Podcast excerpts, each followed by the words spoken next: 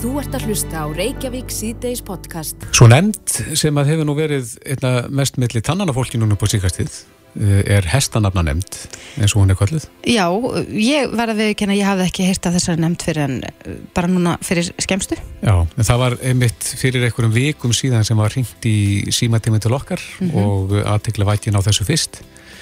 En nefndamenn hafa þótt svolítið strángir þegar það kemur að vali á, á hestum og, og þetta mál sem að var sagt frá í fréttum stöðu á tvöðundaginn með nafni Lán Akkurat. það ekki hloti náð fyrir eirum nefndarinnar en, en mannanarna nefnd hún þeitti þessi gegni á sér Akkurat.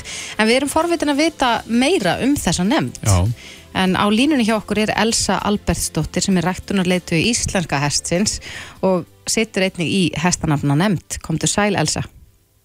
Sæl. Já, kannski ef við byrjum á því, e, e, hversu lengi hefur þessi, þessi nefnd starfað? Sko, samkvæmt því, uh, samkvæmt reglunum þá var þessi nefnd sett uh, 2017 og hefur verið starfandi síðan þá, en ég er svo sem ekki búin að hluta þeirri nefnd uh, alla, alla götu síðan, heldur bara síðust tvö ár. mm og hlutverk nefndarinnar ef ég stíl fréttaflutning frá sínu tíma það var til að koma í veg fyrir að klúrnöfn væru uh, sett á hestana Sko, nefndin er sett bara með uh, samþygt frá aðaldalandum 5 sem eru nú 22 land, uh, talsins. Og þar í raun og veru er bara verið að reyna að hefði upp svona menningarlega og málfarslega he- hefð hjá íslenska í, á, á- frá Íslandi og þar með íslenska hestinum. Já, þessi, þessi nefnd 5 eða félagskapur, hva, fyrir hvað stendur það?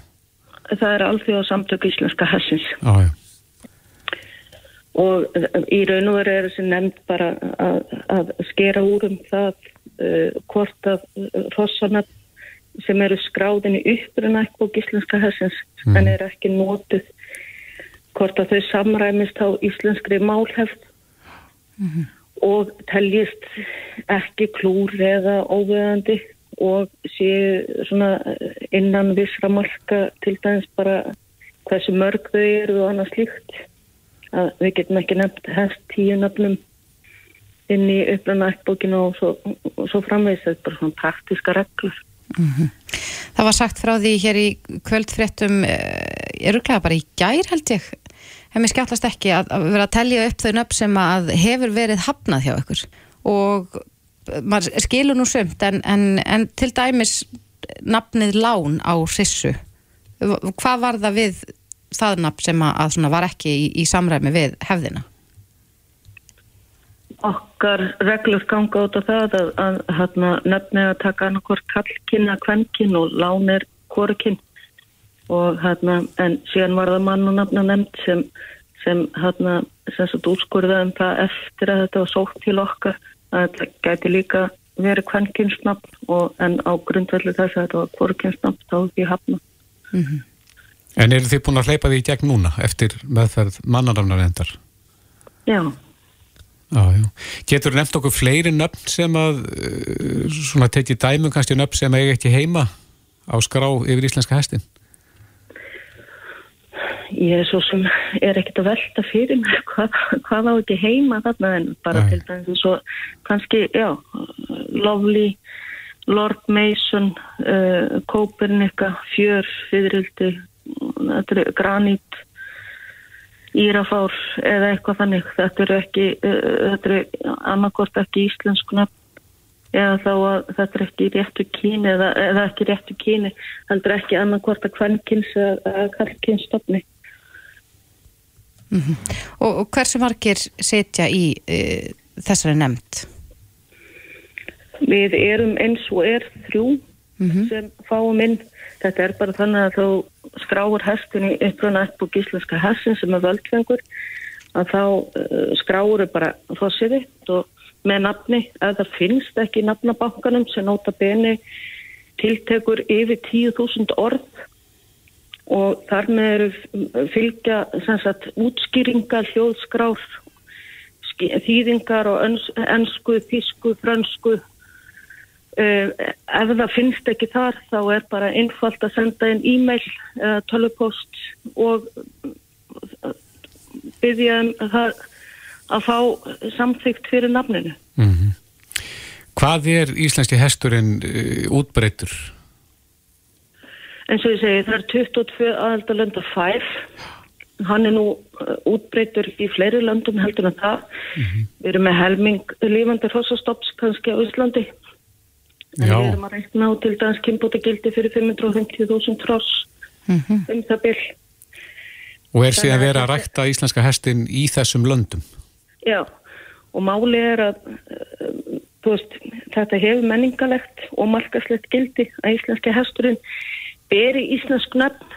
Þetta er mun strángari í mörgum öðrum ræktunabókum eins og til dæmis bara fyrir Þor, Þor og Brett hestin eða finska hestin eða í Fraklandi eða og það er bara ánægilegt að útlendingar þeir í raun og veru uh, bara meta gildi þess að íslensk kross beri íslensk nafn Og þessir erlendu aðilar sem er að rækta íslenska hestin, þeir finna þeir síðan íslensk nöfn á, á sína hesta? Já, og stór hluti, sagt, stór hluti ástæðunar að við settum þess að nefnd var að það var mikið um stafsetningavillur inn í uppröðu nættbókinni. Til dæmis eins og skjóni, það var kannski ekkert skrifað S-K-J-O-N-I heldur skíjóni eða eitthvað þannig út af því að bara fólk einfallega hafði ekki grunn til þess að skrá þetta á réttan hátt. Þannig að við erum bara að veita upplýsingagildi líka með þess að nafnabanka. En nú, þegar maður talar um mannanöfna, þá er nú, já, auðvelt að fletta því upp, sko, ég held að, að Guðrún sé, he, sé og hefur alltaf verið vinsalasta hvernmannsnafni hér á landi, en hvað, hvað eru, hver eru svona vinsalustu hestanöfnin? Veistu hvað, ég bara, bara veit ekki, ég hef ekki eins og fletti upp, sko. Er það skjóni? Hann er auðvitað mjög vinsett. Já, akkurat. En eh, svona því að þú situr í þessari nefnd þegar að þessi umræði kemur upp núna og fréttaflutningur, hvað, hvað, hvernig lagst það nýðig? Já, ég vildi bara óska þess að fólk myndi kannski skilja af hverju uh, og hvers vegna þessi nefnd er sett á. Þetta er fyrst og fremst þess að forðast það að það sé vera að skrá nöfn á mismöndi hátt, ekki eftir réttum reytreglum. Uh, þetta hefur markaslegt og, og uh, gildi og, og málfarslegt. Þeir eru maður stolt af okkur íslensku. Uh, við viljum líka náttúrulega, uh, við erum að gera greinum inn á milli hrossa hvort það sé stóðfæstur að hrissa. Þannig að við viljum að, að, að hrossan okkar beri nöfn með réttu kyni. Við viljum ekki hafa ruttalega klúra meiningu og þannig að þú veist, það væri bara óskandi að fólk myndi skilja gildi þessara nefndar hva, þetta er ekki, þetta er ekki hérna uh, við erum ekki að reyna að hafa vit fyrir fólki heldur erum við bara að reyna að stýra þessu rétt átt. Akkurat.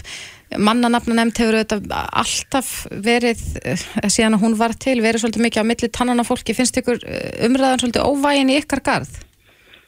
Sko með mannanafna nefnd er það náttúrulega verið að skrá, hross, nei, skrá fólk uh, uh, með einhverju nöfnum og skýra það. Við erum að nefna hross, við erum ekki að skýra hross.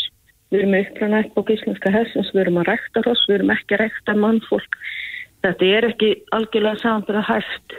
Hestanafna nefnd og mannanafna nefnd. Nei, og þessi fréttaflutningu verður ekki til þess að, að milda ykkur í þessar nefnd, þið verður jafn först fyrir og áður. Við fylgjum bara reglum. Við erum svo sem ekkert fast fyrir. Við erum bara að fylgja reglum sem 22 alþjóðalönd uh, að fæð uh, settu í reglu og þarna, þetta er svo sem ekkert persónlegt mat okkar Nei. sem setjum í nefndinni. En, en eru svona ágreiningsmál eða ágreiningsnöfn uh, algeng? Já, við fáum marga posta til okkar á degi. Jaha. Og þurfum við að hafna mörgum nöfnum. Bæði og bara. Við erum alltaf að bæta nafnabankar. Ég held að við séum alltaf bara að stækka nafnabankar okkar. Já, akkurat. Og síðan reynum við að leita að þeim sem eru kannski með einhvern miskiling. Uh, skrifa nefnin og vittlusan hátt eða sem sagt ekki samkvæmt íslenskri málvenni. Nei. Já, það er, er gott að fá smá insýnin í þetta en Elsa Albertsdóttir, rektunar leiðtói íslenska hestsins og einnig nefndar meðluminu í hestanafna nefnd. Takk kærlega fyrir að skýra þetta út fyrir okkur. Já, lítið mál. Takk fyrir. Bless. Bless. Þú ert að hlusta á Reykjavík C-Days podcast. Reykjavík síðdeis, eh, þá voru margir sem að fylgdust með kveik í gær og fréttum ríkisjónarsins og uh, sáu þar aðteglislega frétt um uh, framheilaskaða. Já, Uh, þegar að heilin skattast getur það haft stjelvilegar afleðinga, segir hérna á síðu ríkisútásins. Meðferð geti bætt stöðu margra en hvort í ríkinni sveitafjölu vilja greiða fyrir hana. Þetta var mjög sláandi hérna umfjöldum. já og það þetta var mjög mögnuð saga þessa unga manns sem að uh, já, rapaði niður af styttu, hafði klifrað þar upp, Já, Þorri Harðarsson. akkurat.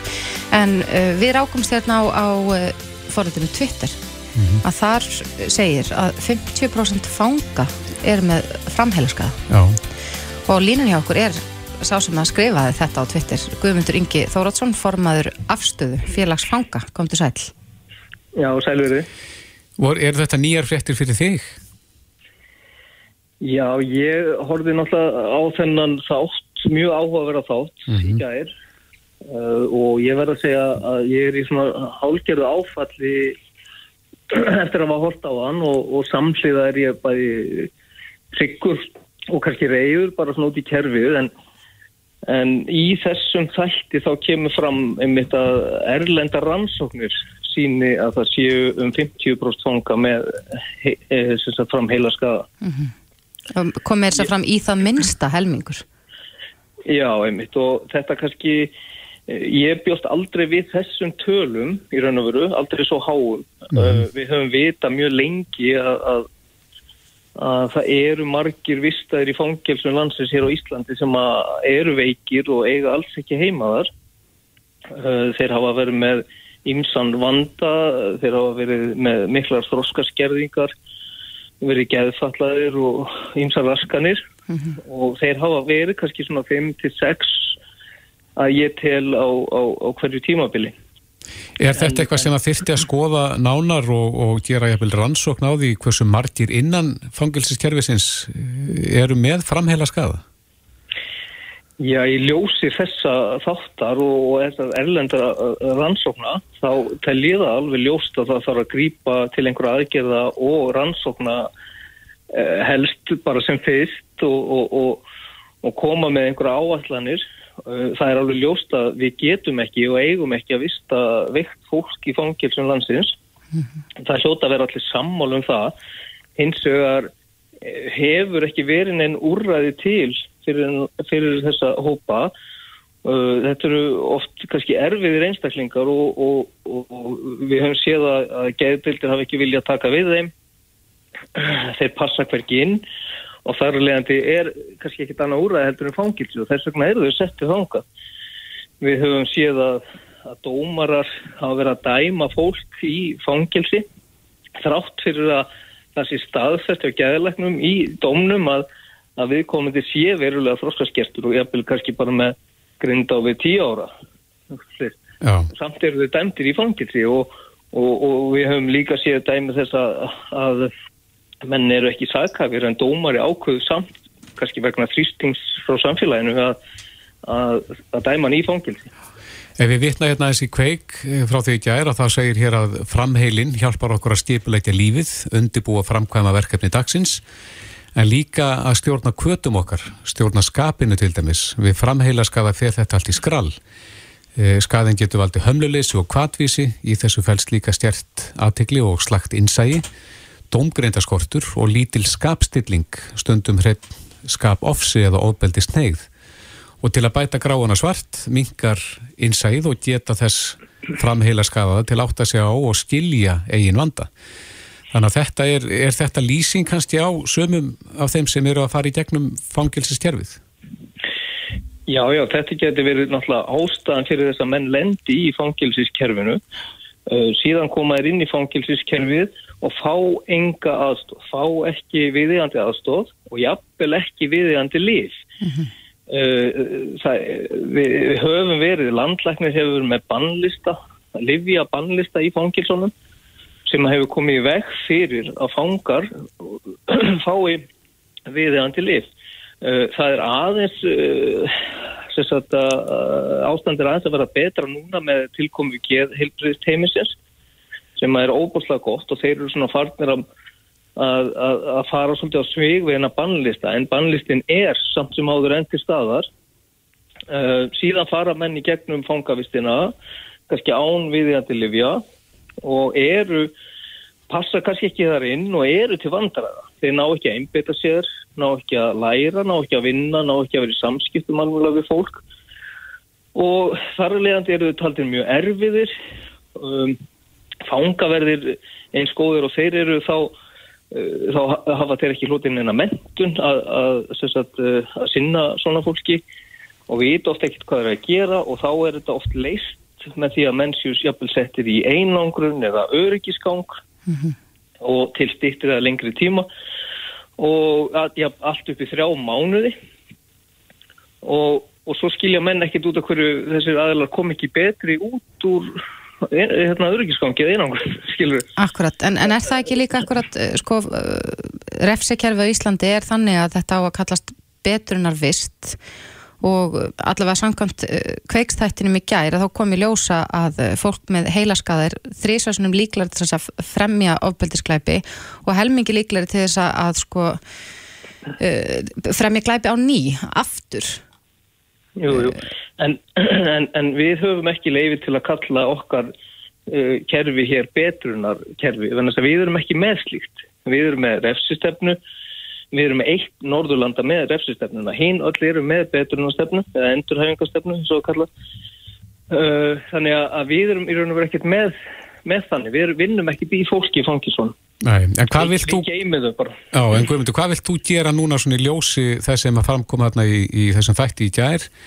E, þú sem formar afstöðu, hvað vilt þú gera næst? Ég, ég, ég tel alveg víst að þarna verður nýr dónsmálur og nýr heilbyrðisáðra og ég á það að koma inn og, og, og bara fara að rannsaka þetta mál mm -hmm. og finna lausnir með okkur og með fagfólki þessar stofnana eins og fangismálstofnana sem er reyndar orðið mjög fæst og ég er mjög ánað með í raun og veru meðferðast við fangismálstofnana í dag sko, hvernig það er í dag og ég er að sjá að þetta er svona aðeins að, að breytast með hvernig þetta var En, en það þarf að grípi taumana og síðan þurfum við náttúrulega bara að hugsa til framtíða líka. Það þarf að auka mentun fangavarða og, og, hérna, og færa þá háskólastig til þess að svona rannsóknir séu gerðar. Mm -hmm. Ef við rannsókum ekki þessar hluti þá breytist aldrei neitt. Við verðum bara alltaf áratugum og eftir. Akkurat. Já, við vonum að að þeir sem er í þessar stöðu fái viðegandi aðstóð en uh, Guðmundur Ingi Þóratsson formaður afstöðu, takk kærlega fyrir spjalli Já, takk kærlega Þetta er Reykjavík C-Days podcast Já, það er stórmerkilegu dagur í dag, mm -hmm. 1. desember, fullveldistagurinn sjálfur. Er ekki tilöfni til þess að segja bara til hamingi með daginn? Já, sjálfsögðu, ekki spurning. En, uh, já, fullveldistagurinn, það var þennan dagur 1918. Uh, að eh, það tóku gildi millir Íslands og Danmarkur sambandslaugin mm -hmm. svo kallu, sem voru lögum það hvernig Ísland stóð í sambandi sínu við Danmarku mm -hmm. og þarna fengum við svolítið að ráða okkur sjálf má ekki segja það? En uh, sömu finnst ekki nóg gert úr þessum degi og uh, það var nú síðasta þingi, þá var eitt þingmaður sem að lagði það til að þetta er því almennu frítagur, ef mér minnir rétt. Náður endur ekki inn á þessu þingi Þorstein Sæmundsson, kom til sæl komið sæl og til að mikið með daginn. Já, sömur leiðis. Eh, þú vildir gera meira úr þessum degi heldur en gert þér í dag.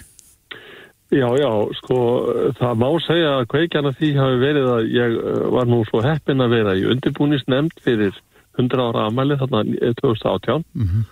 og, og, eh, og það var lengi búið að blundi mér áður reyndar að, að þessi dagur er náttúrulega í sjálfur sér stærsti dagurinn okkur í, sko, í sjálfstæðisbaróttinu vegna þess að í raun og veru er það sem gerist á þingvöldum 1944 sem staðfesting á því sem við vorum áður búin að gera 1918 og við urðum, segja, þjóð meðal þjóða 1918. Finnst þið þessi dagu sem sagt starri og merkilegri heldur en 17. Eh, júni? Mér finnst það í raun og veru já. Ef, ef þú horfir á þetta í saminginu og sem sagt eh, hvaða var sem að menn voru að, að fá í gegn þennan dag fyrir 103 árum að þá var það bara svo, svo stort að, að þess að ég segi e, lífveldistofnunin er síðan bara staðfesting vegna þess að, að það er getið um hana í þessu sambandslaga samningi að innan e, hvað 25 ára ef maður rétt að þá, eða um 25 ár að þá getur við stíið skrifið til fulls mm -hmm. og, og, og hérna en þetta er allt saman skrifað þann inn og, og eins og ég segi aftur, þetta er gert við, það er aðstæður sjáuði og við kannski e, finnum meira til þess núna vegna þess að, að, að þetta skrefi stígið í miðri drepsótt mm -hmm. og, og, og, og hérna ár sem að sko sem að hérna sundin í Reykjavík leggur út af frostum og ár sem að Katla gís í, í, í síðasta sinn eða, eða síðast er að hún gerir það og þetta dynur allt yfir þetta, þetta ár mm -hmm. og við erum náttúrulega sára að fá og, og samt sem áður það hafa menn hug til þess að gera þetta. Og, og, og í sjálfurskjær sko við þurfum ekki annað að það er svona allavega kveikir í mér.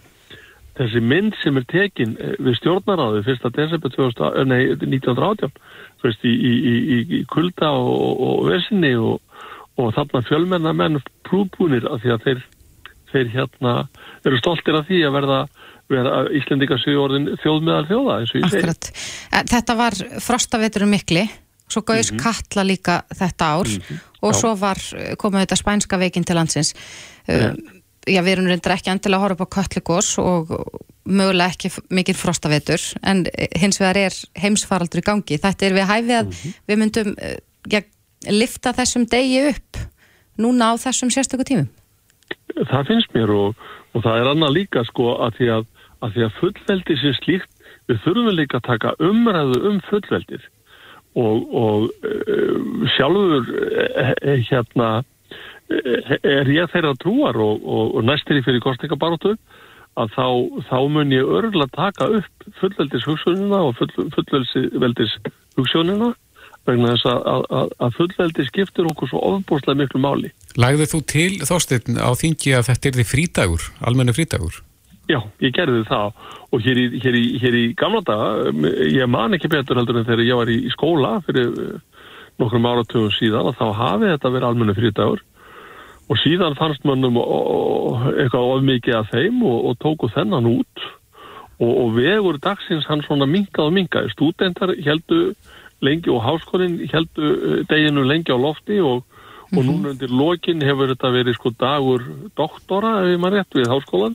Mm -hmm þannig að háskólinn hefur syndið svo ágæðlega Akkurat, samkvæmt mínum heimildum að þá uh, sko heldu háskóla stúdendar þennan dag hátíðlegan til ársins 1960 en svo, svo verðastu að hafa dreyið úr því. Já, svo dróð úr því, sko, þetta voru, þetta voru gríðarlega stórir, sko, fögnuðir sem að stúdendar heldu hér. Mm -hmm. og, og ég held að það hafi nú verið lengar, lengar heldur en, sko, til 1960 því ég man eftir því að að fólk sem ég kannast við í, í, hér í denna það held þennan dag hátilegan sko og þá komur stúdentar saman sko, gammal stúdentar saman til þess að, til þess að fagna þessum degi en, en, en, en það það líka fræða og það kom í ljósfars mér þannig að 2018 þegar við vorum að halda upp á 100 ára aðmælið að þá fannst mér líka eiginlega að blasa við að það þarf að fræða þjóðina bæði börn, unglinga og fullorðið fólk um gildi þessa dags meira heldur en gert hefur verið. Akkurat. Er þetta í þínum ögum hinn eiginlega þjóðatíðadagur?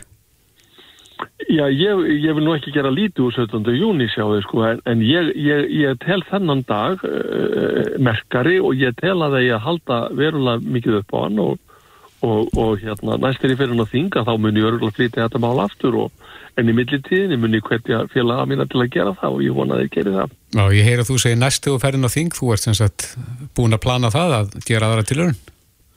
Já, ég, ég er ekki tættur í pólitík, séu, sko. Nei. Ég náttúrulega er, er í stjórn miðflóksvist núna og, og þar eru ærin verkefni og, og, og hérna, og hérna, þannig að það er, það er næsta víst að, að það þarf að, það þarf að, hérna, það þarf að taka, taka á og ég er alltaf til í það. Já, þú vinnur á bakvið tjöldin þánga til? Já, ég ætlar að vera, vera nokkuð sínilegur. Ég er að fara í gang, gang núna að fara hamra át greinar sem aldrei fyrr og um ímis mál sem að líka mér á hérta þannig að ég ætl ekki að vera alveg undir feldi. Nei. Þorstein Sæmundsson, enn og aftur til hamingi með daginn í dag, fullvildistaginn. Kæra þakkir fyrir spjallið. Já, takk ykkur fyrir. Reykjavík síðdeis á Bilginni podcast. Búin að tala um fullveldistægin og ætlum núna að ræða reikskinjaradaginn sem er í dag. sem er í dag. Þetta er stór dagur greinlega, 1. desember. Já, er, er þessi dagur ekki alltaf til þess að fara yfir rafluðumál kannski? Jú, Skiptum rafluðu? Þetta er auðvitað sá tími ársins þar sem við byrjum að- að kveikja á kertum og vonandi ekki þess svo, svo erum við með jólaskreitingar alls konar kransa og fleira og, og þá er hætta á að það kvikni í Já, en hættan er alltaf til staðar og við erum, eh, mér finnst þess að fréttaflutningi undanfærina mánada er uh, til dæmis svona ráftækin svo við heyrðum nú af ramags hlaupahjóli Mhm. sem að kviknaði í einmitt. þannig að uh, hætturnar leynast víða Mhm. Hinga til okkar er komin Sigur Þór Elísson, eldvarnar eftirlits fulltrúi hjá slökkviliði Akranes og Kvalfjörasveitar. Sælvertu. Sælverði, takk Þú- fyrir að mér að koma til ykkar. Já, velkomin. Þú ert líki fagdeild slökkulismanna innan landsamband slökkulis og sjúkraflutningamanna. Já, ég sitt þar. En þið eru að vekja aðtikli á reikstýniranum í dag er, er það ekki bara gert, gert út um allan heim? Jú, við erum, Norðurlöndin er svona mest að púla þetta sínist okkur svona, en þetta er talað um þetta síðan hann dag 1. desember, sem dag reiskirins og við á samt húsnars og maðurkjastofnun erum í svona bara minna landan á að hafa þetta í lægi hjá sér Já. og það er náttúrulega í desember er náttúrulega og eins og alla aðra mánuði þurfum náttúrulega að huga þessu en sérstaklega stíðan í desember Á að skiptum rafluðu núna sama hvað? Já, sko, það er reikskinnar í dag orðnir svona mörgur í tvennskonar, það er hérna þessum svo kallar tíu ára raffröðu endingu Mhm. eða þessir bara sem við þekkjum flest bara skiptum einu svona ári en við þurfum alltaf að prófa reikskinna pípið fjóru svona ári en, en þessar sem eru ekki með tíu ára endingunni þurfum við að skiptum batteri einu svona ári og þá er bara fyrsti DS alveg kjörinn dagur til að hérna hérna sér í það verkefni að skiptum En hvernig eru þessi mál svona ef við, ef við lítum á Ísland? Erum við uh, dugleg í því að hafa allskynns, eh, sko bæði reikskinnir eða uh, svona eldvarnar teppi og... Slí- slíka vörur hjá okkur. Já, Já, við erum held í góðum málum en auðvitað alltaf má gera betur. Við höfum alltaf standa okkur betur og við höfum hugsa betur um þennan búnað. En svona heilt yfir eru við í fínum málum. En það er náttúrulega ákveðin hópur sem við höfum alltaf svona við höfum náttúrulega sérstakar áhyggjur af eða við höfum náttúrulega áhyggjur af öllum en við höfum hópur sem er svona það eru semst þeir sem eru að byrja að búa semst fyrstu leyendur, flytja heimann og slíkt þeim sem bara, bara fara að heimann og flytja, fara í háskólatnum í sér Reykjavík að þau eru að lega þessu herbyggi. Hvernig eru aðstæður þar? Eru eldvarnir góðar? Eru reikskennari? Eru slökkutæki? En auðvitað bara þurfum við alltaf að hafa reikskennari að legi og það er í öllum herbyggja sem fólk sefur, það er mjög gott Mhm. og þessum allrýmum þetta er bara slökkutækin að þau séu yfir rýmingaleg og þau séu yfirfærin sko. En reikstýnirarnir eru eh, af öllum stærðum að gerða með það ekki? Jú, það er til náttúrulega bæði þessi sem við erum bara með heima hjá okkur þessa típisku sem að segja þannig. Og svo eru komið náttúrulega tengdir þessum öryggiskerfum frá öryggisfyrirtækjunum og einnig bara sem fólk getur haft sjálft. Þannig að það er bara til gríðarlega flóra og gríðarlega þróun mörgruti sem bara er fagnarefni í þessum, þessum gera Eru samtengtir reikstýnirar, er það best? Já, sko, það sem það ávið stundum bara er þetta ekki við komið en það sem er, þær eru mjög góður þá náttúrulega flauta ef að gerist einhver vá verður sem varum reik, þá flauta er allir og þá koma bóðið mjög skýrt til, eins bara eins og með, með, með, með hús og bíls, mm -hmm. bílskur og er með kerfið sambeikt Mhm. að þegar það gerist kannski í bílskundum þá flautar kerfið inni hjá þér og gerir það var, vart við sig að það sé eitthvað gerast og það er bara mjög góður kostur Á að hafa skinjar í öllum herbergjum? öllum svefnbreykjum og öllum svefnbrímum og það er komin alls konar tæki og öll herbyggja við erum öll löðum símon okkar á nóttunni og spjaltöluna og tölvuna og eitt og þetta. Og í herbygginu á krökkunum er komin sjóur og leikjatölvur og það er komin greiðrætt magn. Bara eins og þú ert eins og að tala með hlaupahjóli sem brann. Þetta er öll þessi hlæðslutæki sem er komin komin að stað, það er að verða auki nótkun á alls konar batteri í stengtum vörum. Og þá náttúrulega bara þarf þessi vörn að vera til staðar. Nú er- á ég svona frekar ung börn og, og þar, þau fá fræðslu er það ekki í skólum. Og þú talar um sko yngsta hópin þeir sem er að flytja heiman eru kannski minna meðvitaðir. Já, sko við keirum landsamannslökulismanna keirir til dæmis ásamt fleiri aðilum og það er að með húsnars og maðurkjastofni. Við erum að, með verkefni í leikskólum, sérst mm -hmm. elstu árgangur leikskóla heitir verkefni sem heitir aðstofmaður slökulisins og þau fara heim og gera test, er að kanna reikskinu á slökutæki og svona minn enn og hann akkurat þarna eftir hann var í þessu síðustu viku og hann tók pappa sinn alveg og bara nú er þetta gert og við letum við fara um allt hús og við prófum allar reikskinni þá sá ég þetta verkefni er að virka mm -hmm. svo er það þriði bekkur grunnskólana við mitt heimsóttum bara grundaskóla og akaræns til dæmis í dag og þeir eru að fara þess heim og gera nákvæmlega sama faktísi kannan með eldvarnir og vera hérna við erum að nýta okkur þessa, þessa tvo árganga og mm -hmm. þetta, þetta skila sér Akkurat. Ég myndist á þann að, að svona undarfarnar mánuði og, og jafnvel ár hefur maður heyrst af fleiri eldsvoðum. Mm -hmm. Er þetta að aukast? Eða er það... Sko eldsvoðar aukast og aukast, er það sem gerist líka, það er gríðrætt upplýsingaflæði. Mm -hmm. Það er það sem er kannski líka að hluta því. En ég er ekki með tölfræðin okkur fram að mig, en svona, ef við horfum bara á okkur verkurnum alltaf að fjölga hjá okkur, þú veist, hvort sem það er sukurflutningar, slökkulið eða hvað sem er. Þannig að heilt yfir síðust ára er ekki með hvort þessi fleiri þetta árin fyrra eða árið þarður en svona, já, bara það er alltaf eins og bara brunin og bræðurbökkastík sem er enþá verið að ræðum og fleiri mm -hmm. þetta er bara svona mál sem er líka djúft í, já, í okkur veist, þetta er mikið rætt, minnir mikið að pæli þessu og þetta snertir náttúrulega bara alla. Einmitt Rétt aðeins í lokina því að það eru margir og við erum að vekja marga til umvöksunar um þessi mál núna. Er, er einhver er einhverja nýjongar í þessu? Er eitthvað svona, eða er þetta allt eins bara reikstínir að slökkutæki teppi? Sko teppi innan til eldúsi bara gríðalega mikilvæg og, og góð búðbót og það kostinu þau, þú ert ekki að fara með hlæðslu eða skiptum batteri í því, mm -hmm. það er bara til staðar og stendur sína plikt og hérna, það er gott tækin slökkutækinu, það þarf að fylgjast með þeim, það þarf að fara með því hlæðslu reglulega og það er að hafa þau líka staðsett þau séu rýmingarleið, þau séu til tax Er eitthvað betra þar en annað? Eitthvað svona sem að virkar á sko- flest? Það er talað um sko léttastæki, það er talað um duftslökkutæki það er kólsustæki og þetta er nokkra gerðir mm -hmm. um, flestir eru konum með léttastæki heima á sér það, Virkar það á, á flest? Það, það er svona flesta elda en það dufttækin virka á fleiri flokka mm -hmm. en þau líka mynda meiri uh, lengur til þess að þrývöttir þá það kannski skipti ekki málhútt að bjarga eldi heimahæðar en svona flest, flest allir, eða flest hvað sem er í sölu og nýri, nýjum tækjum í heimili er léttvatn algengara mm -hmm. uh, kólsutæki og ramaselda og slíkt en svo er það bara teppið sem gerir gæfu mun til og með að kveiknar í potti eða pönnu að skuttla teppinu yfir og ekki, alls ekki dundrast með það beint í vaskin og kaldavatni á fullt þá myndast bara guðsprenging heldur bara teppi bara yfir og andar rólega ef það er hægt mm -hmm. það teppið það er og bara alls ekki kíkja undir það það er það sem bara meitt og þrjú að, mm. að allar veist, þessi búna sé til staður og í lægi Akkurat, við komum tímið ekki lengra sinni en við hvetjum alla til þess að að aðtuga uh, prófa reikskinnarna og, og skiptum batteri mm -hmm. Nota daginn þennan dagi það Er það ekki? Má spyrja ykkur einu? Já Hvernig er þetta heima hjá ykkur? Er ég læg með þetta þar?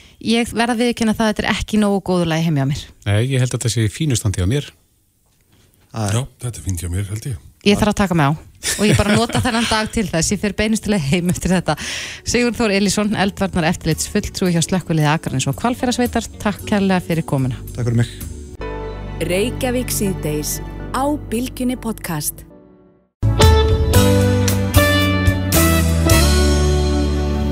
Við höldum áfram í Reykjavík síðdeis. Um, það tóku margir eftir því.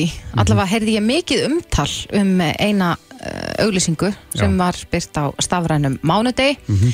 en það var uh, tryggingafélagi TM sem að bauð nýjum viðskiptafinum upp á 30% afslátt af tryggingum uh, á mánudegi og mér skilst að þetta tilbúið gildi þá í heilt ár mm -hmm. og ég held að allavega nokkri sem að, að ég veit um sem að reynilega bara skiptu um tryggingafélag Er það ekki til þess að leikurinn gerður? Til þess að leikurinn gerður, en, en síðan heyrir maður líka að sko, gömlu viðskiptafinir TM þeir sem voru þar áður mm -hmm. er ekki endilega mjög sáttir með það að fá engin afsláttarkjör á sínum tryggingum. En neytundastofa er með til skoðunar nokkrar tilkynningar vegna þessa tilbóðs og uh, þar á meðal frá neytundasamtökunum en uh, formaður félags íslenskra bifriðenda segir að tilbóð hafi verið á skjön við neytendalög og gaggrinir tryggingafélagin fyrir ofurhátt verðlag Rönnólur Ólarsson, formaður FIB frangværtastjóri, er á líninu, kom til sæl. Kom til sæl. Já, hvernig fer þetta tilbúið stjön við neytendavend? Já, við erum að verða á það að það brjóti gegn lögunum með 57.2005 með eftirlitni viðskipt áttum og markasetningu og þetta tilbúið 70% afslátt í eitt ára tryggingarvíkjaldum nýra viðskiptavina það er einni gildi aðeins fyrir viðskiptavinni annara tryggingafélag en TM og þeir viðskiptavinni vissir en ekki afslátt af hverju þeir væri að fá.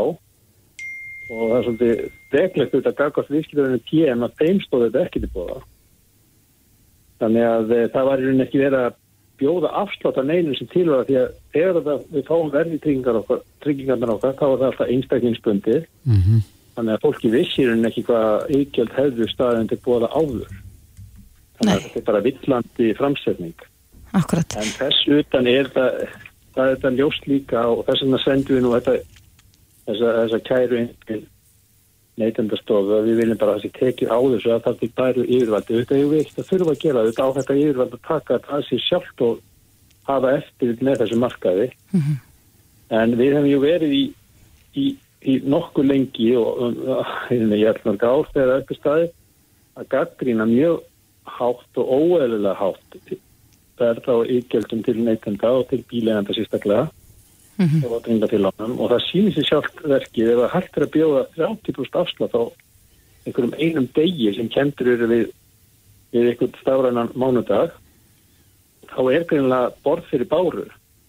Og svo er það eins og ég tók fram í upphafi það er þetta mjög óeðlilegt að þeir sem eru fyrir hjá fyrirtækinu þeir geta ekki fengið þessi kjör Nei. þeir sem eru jæfnvel búin að vera árum og áratugum saman í viðskiptum við fyrirtæki þeir fá ekki afslátti Akkurat. þetta er bara einhverjum sem skall En nú uh, voru fjölmörg fyrirtæki að bjóða upp á allskynns tilbúð á þessum stafræna mánudegi en, en eru tryggingar í eðli sínu þannig að það væri á að vera hægt að bjóða upp á slík tilbúð? það er alltaf hægt að bjóða sér þessu tilbúðan, þá þarf þetta að vita hvað verði var fyrir og verðskráðan liggur ekki frammi og við hefum sem dæmi hjá félagistiska byrjaðenda við hefum sendt svona, það er til, til uh, samkynntæðsliðnins að, að þessi félag og þessi markaði, þetta er þetta fágættinsmarkaður, það er fjögur fyrirtæki sem er að bjóða vátryggingar á markaðanum og það bjóða nokkur neginn ein, sömu vöruna og það er ákveðin lengdi yfir ykjöldanu, við verðum að fara hvert fyrir sig og óskæftu tilbúið og kennitölu. Við vitum hérna ekki hvaða verðlega er í gangi. Samt erum við að tala um tryggingar eins og til dæmis aukvöldækjatryggingar sem er skildtryggingar. Þannig að við viljum bara að það sé einhver svona gátt opnið á hverju félagi þar sem að fólk getur bara nálgast hvað er verðið á markaðanum. Vantar verð skrá.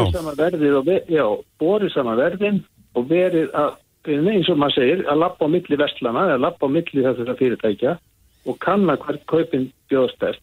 Það er enda hægt í dag óskætti tilbúið hjá öllum og það verður vera þeir einu sem fái skástu ykjöldin á hverjum tíma. Það er þeir sem eru dúlegir við að óskætti tilbúðum og við hvetjum neytundur eðla til þess að gera það.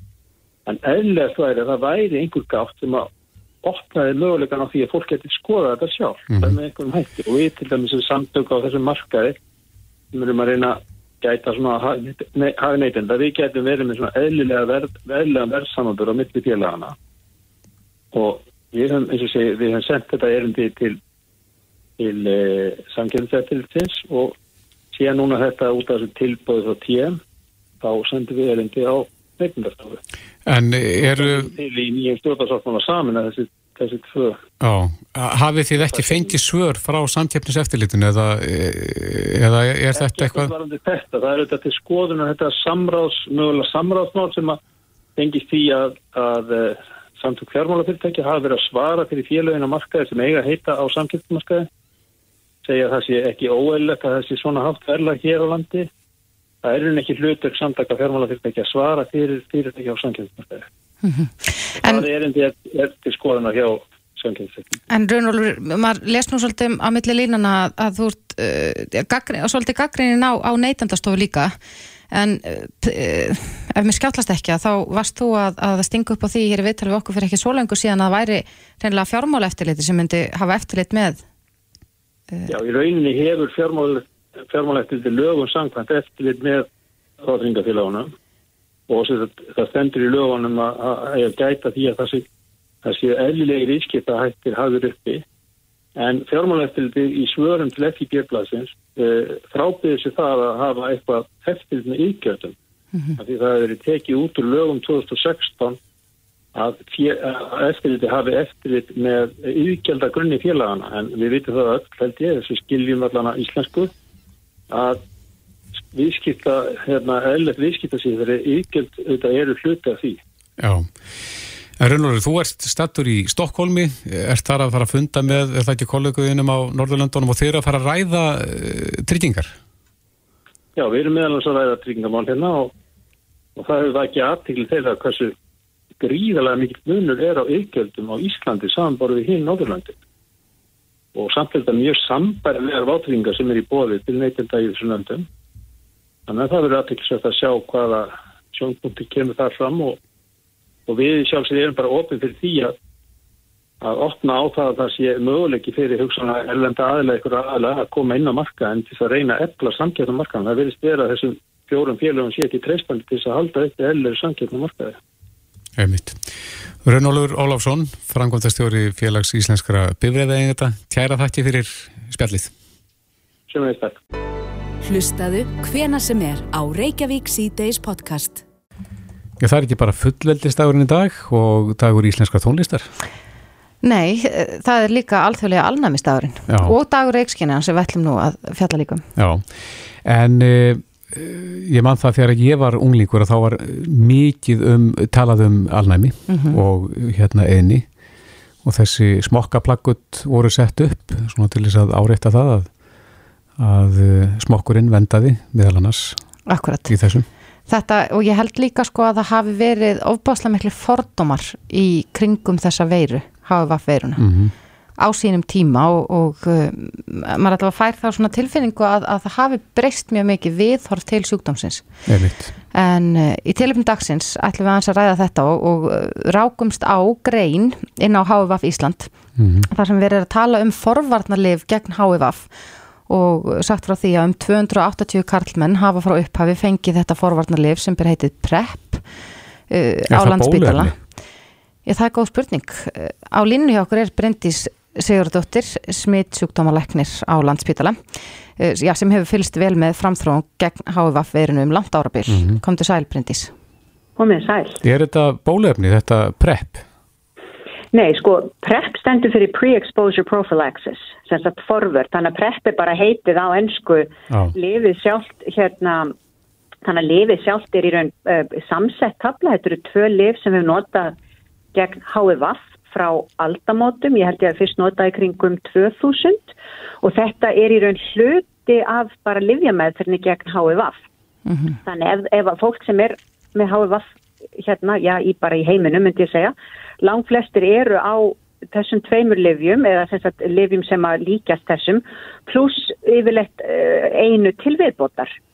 En uh, fyrir svona 10 til 15 árum þá vor, var farið að gera rannsóknir á því að nota þess að þá tveir þriði af meðferðin, þess að þessi tvö liv, til þess að meta hvort það væri hugsanlega hægt að koma í veg fyrir að þeir sem væri í áhættu að fá HVF myndu smittast þeir væri að taka liv daglega til að koma í veg fyrir það.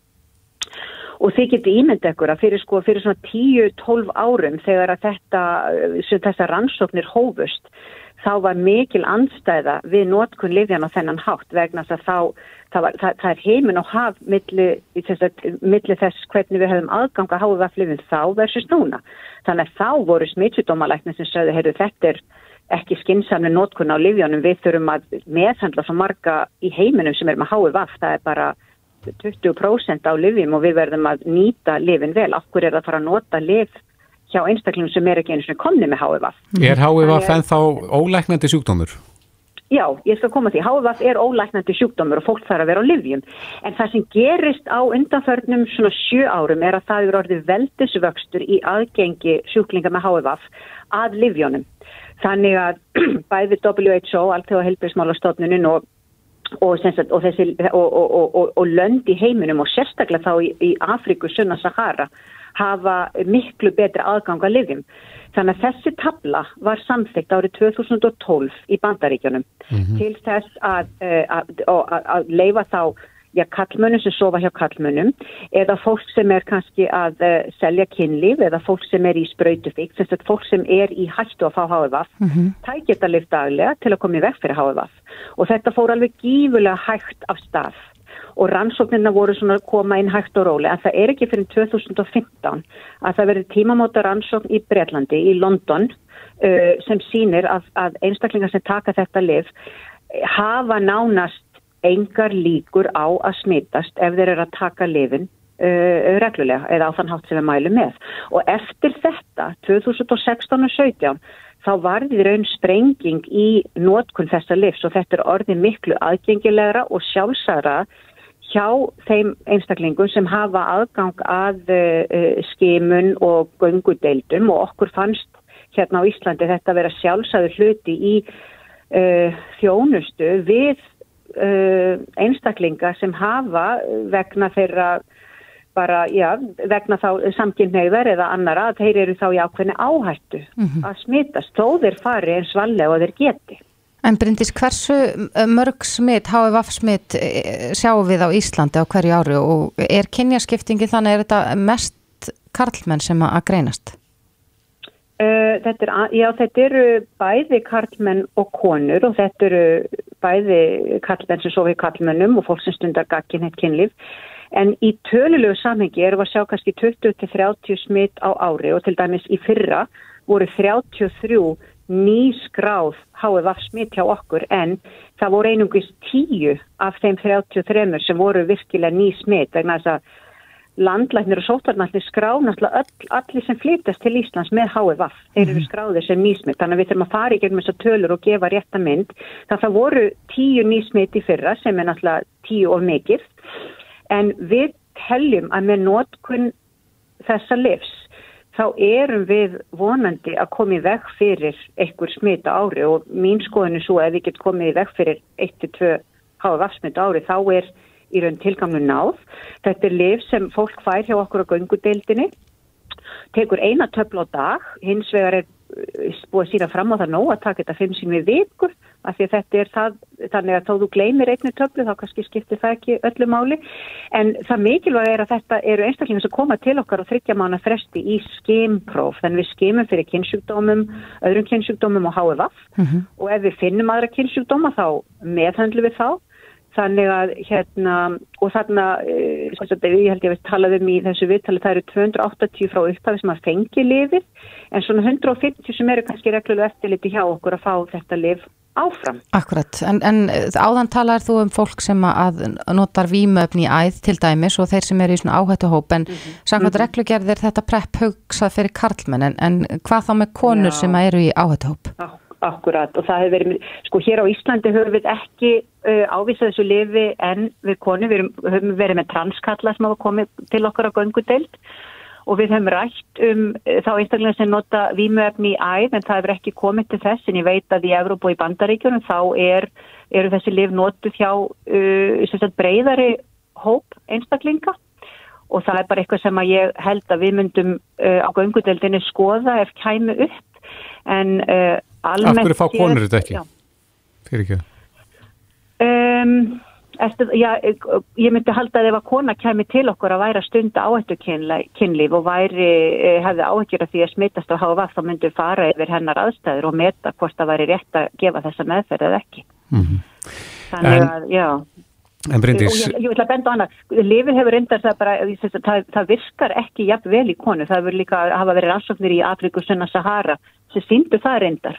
Og það snýst um hérna bara livja hérna aðgengið í slímhúðum í endaþarm og svo framvegis. Mm -hmm. en, en já. Rétt eins og lokinbrindis uh, eh, að því að við höfum mikið talað um veirur síðustu tvö árin uh, HIVF er, er veiru sjúkdómur. Af hverju gengur svona erfilega því að við, við sjáum að vísindarsamfélagið leggst á eitt við að finna bólöfni gegn eh, koronavirunni En er HVF eran svona marg slungin að, að það er erfitt að, á öllum þessum tíma að finna eitthvað bólefni í gegn þessu? Já, þetta er nefnilega alveg bara mögnuð umræða, alveg frá því að veiran var fyrst sko bara eh, staðfest, þá var reynd að finna bæði meðferð og bóluefni og talið þarna 1985 og 6 og mér er tilbyrðisra á þeirra í bandaríkjunum talað um að það er liðin og yrði nú ekki langt ánga til að værum komið með meðferð eða bóluefni mm -hmm. og síðan eru liðin 30, 35 ár og hefur ekki gengið. Ástæðin er svo að veiran felur sig í ónæmi, hún leggst í dvala, felur sig í ónæmiskerfi líkamans og í, í eitilfrömmum, þannig að við erum með frábæra lifja með þess að fólist mjög vel, uh, nær veirunni í ómælanlegt magni blóðinu, þannig að einstaklingar í eftirliti og á meðferð smita ekki aðra hvort sem tala um kynlíf eða blóðblöndun eða annað. En ef að við myndum stöðva livjameðferðina þá væru tækir kannski einhverja vikur upp, einhverja mánuði fyrir veirun að ná sér að streika aftur. Að vekja hann upp. Liv, að vekja hann upp og mm. þannig livja meðferðin til að læknana þarf að geta hreinsað út þessar uh, veiru stöðvar eða latent eða sofandi veiru og það hefur bara gengið alveg afskaplega illa og það er búið að setja marga miljardar bandaríkjadóllari í þessar ansóknir og hefur gengið, gengið hægt og eins má segja með bóluefni það hefur óbúslega erfitt fyrir uh, bóluefnaframlegendur að finna leið til að einstaklinga geti myndað verndandi mótefni gegn veirunni. Getur þessi nýja aðferð mRNA tækni, getur hún komið þarna gangni?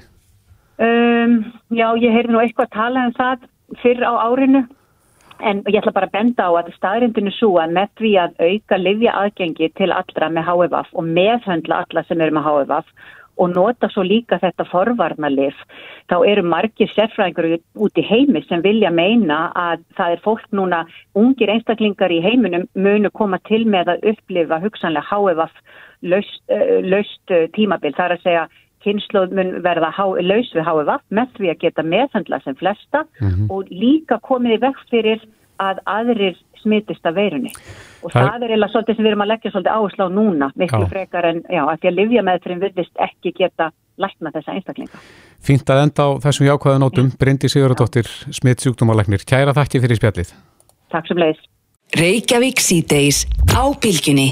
Það er margir sem að kannast við heila límið eða, já, svimir hérna hvart þetta heila þóku þegar þeir heyra eh, laugin eða stefin frá, frá Allandsólíu? Já, veistu það að, að þetta hefur líklegast ekki farið fram hjá neinum og ætli það sé ekki góð markastaktika að, að hafa þetta þannig að maður getur eiginlega ekki glemt þessu. Nei, þá er þetta heila. Já, og eh, ég get nú sagt frá því að fimm ára dóttir mín, mm -hmm.